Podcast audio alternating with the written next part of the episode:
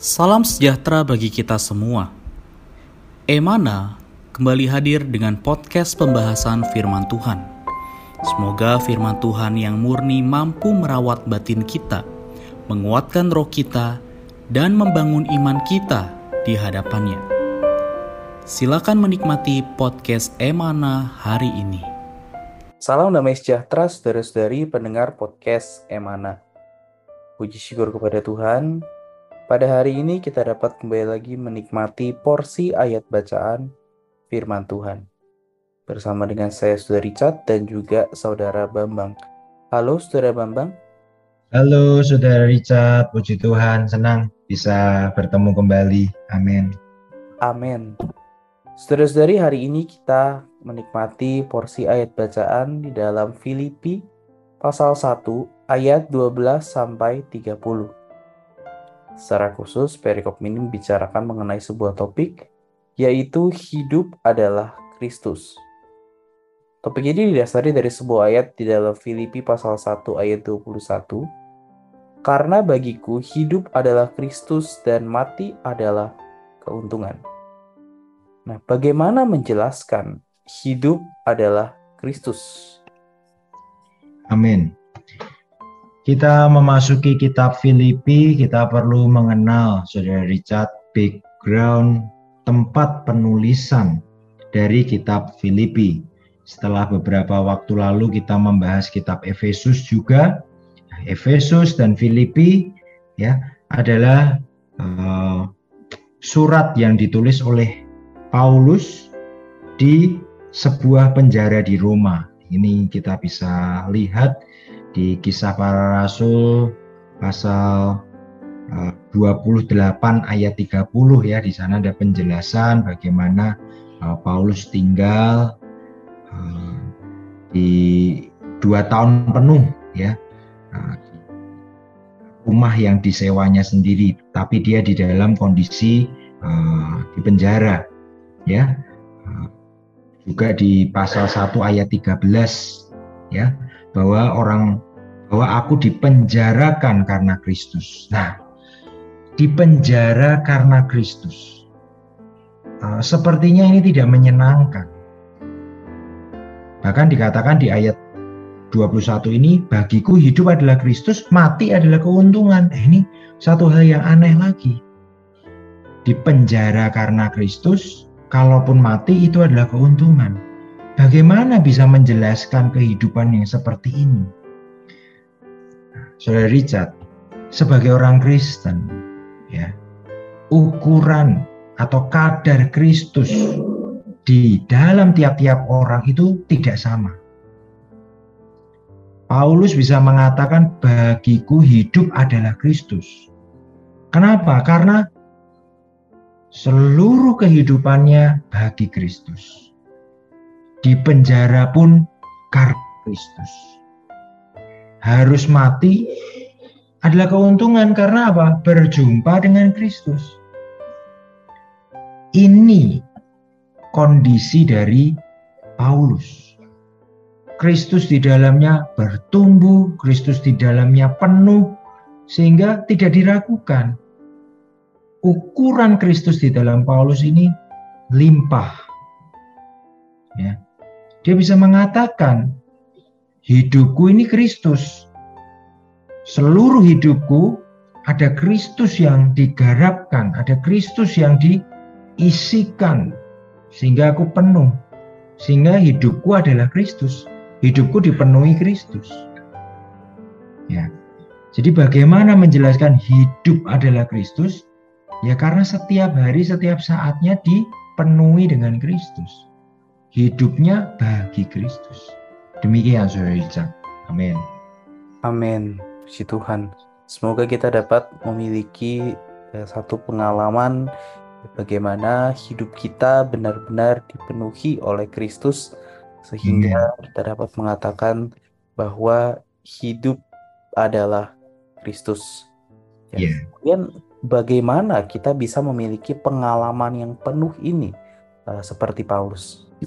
Ya, wah kalau uh, berbicara cara, saya pribadi pun juga tidak bisa memberikan apa jalannya ya karena saya juga sedang di dalam proses itu.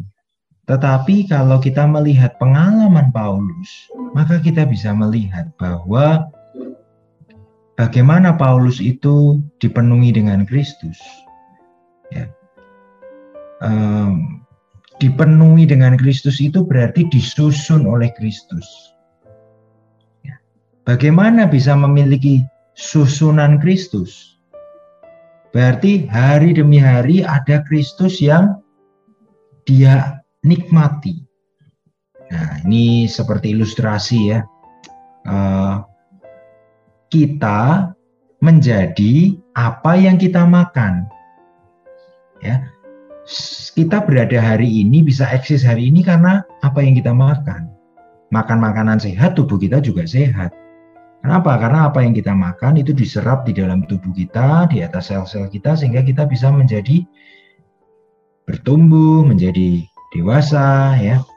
Saya kalau lihat foto saya waktu kecil ya, waduh ini bayi ya, masih sekitar tiga bulan, ya balita lah ya, bawah lima tahun misalnya gitu ya, kecil sekali. Tapi dibandingkan dengan sekarang, setelah melewati puluhan tahun, wah, ukurannya sudah lebih besar.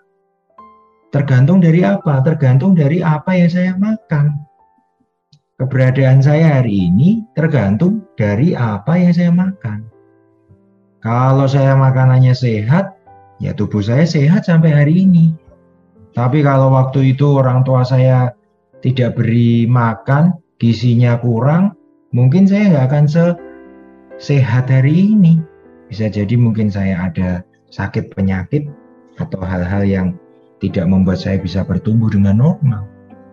Nah, Paulus menulis surat Filipi ya dia menjadi orang yang sudah banyak mengalami banyak makan Kristus banyak disusun oleh Kristus. Ya. Buktinya apa? Ya buktinya dia melewati semua hal ya. Kita bisa melihat pengalaman dia akan Kristus. Ya. dia bisa mengatakan bagiku hidup adalah Kristus karena setiap hari dia bertanya kepada Kristus, setiap hari dia bersekutu dengan Kristus. Apa yang harus aku kerjakan hari ini? Pergi ke kota mana? Harus bertemu dengan siapa? Ya. Dia selalu bertanya. Ada satu cerita ya kan dia mau memberitakan Injil ke kota A, tetapi Roh Yesus memerintahkan untuk ke kota yang lainnya. Jadi dia memiliki satu penghidupan yang bersatu dengan Kristus. Seperti makanan kita makan sehingga kita bersatu dengan makanan itu, makanan itu bersatu dengan kita, demikian juga Kristus. Bagaimana kita bisa memperhidupkan Kristus? Mengalami Kristus, kita perlu makan Kristus. Nah, makan Kristus ini bagaimana? Makan Kristus itu berarti kita menikmati firman-Nya. Menikmati firman-Nya berarti kita tidak bisa lepas dari firman Tuhan. Tidak bisa lepas dari persekutuan dengan Tuhan. Ini semoga menjadi dorongan kita semua. Para pendengar podcast Emana ya, mendengar renungan firman, membaca firman, itulah makan. Itulah menggarapkan Kristus, menyusun Kristus di dalam kita. Sehingga kita bisa katakan bagiku hidup adalah untuk disusun dengan Kristus, dipenuhi dengan Kristus. Amin. Demikian Saudara Richard. Amin. Ya, puji Tuhan. Sungguh pengalaman yang uh, luar biasa apabila uh, setiap se diri kita Eh, kehidupan kita benar-benar uh, bersatu dengan Kristus. Ya semoga kita dapat terus memperhidupkan Kristus, mengalami Amen. Kristus, menggarapkan dirinya ke dalam kita sehingga pikiran, emosi dan tekad kita ya benar-benar yeah. dituntun olehnya kita dapat mengatakan bahwa bagi kita hidup adalah Kristus. Baik, sebagai kesimpulan, Saudara Bambang dapat memimpin kita di dalam doa. Amin. Mari saudara-saudari pendengar podcast Emana yang terkasih kita merespon firman Tuhan ini dengan berdoa. Tuhan kami mengucap syukur untuk firman-Mu yang mengingatkan kami bahwa kami perlu terus mengalami bagaimana hidup adalah Kristus. Tuhan, kami perlu terus seperti Paulus hari demi hari dipenuhi Kristus. Karena itu Tuhan, bahwa kami terus bertemu dengan perkataan-perkataan-Mu. Ya, kami menikmati firman-Mu. Firman-Mu menjadi makanan kami, terus tersusun di dalam kami. Sehingga hidup kami adalah hidup untuk dipenuhi Kristus. Kami boleh menjadi bejana yang terbuka, bejana yang mulia, bejana yang menyatakan Engkau. Terima kasih Tuhan Yesus. Amin. Amin.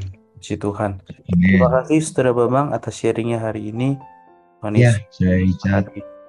Tuhan Yesus memberkati. Sekian pembahasan firman porsi hari ini. Sampai jumpa di podcast berikutnya. Jangan lupa untuk download aplikasi Emana pada handphone Anda untuk manfaat yang lebih banyak. Tuhan Yesus memberkati.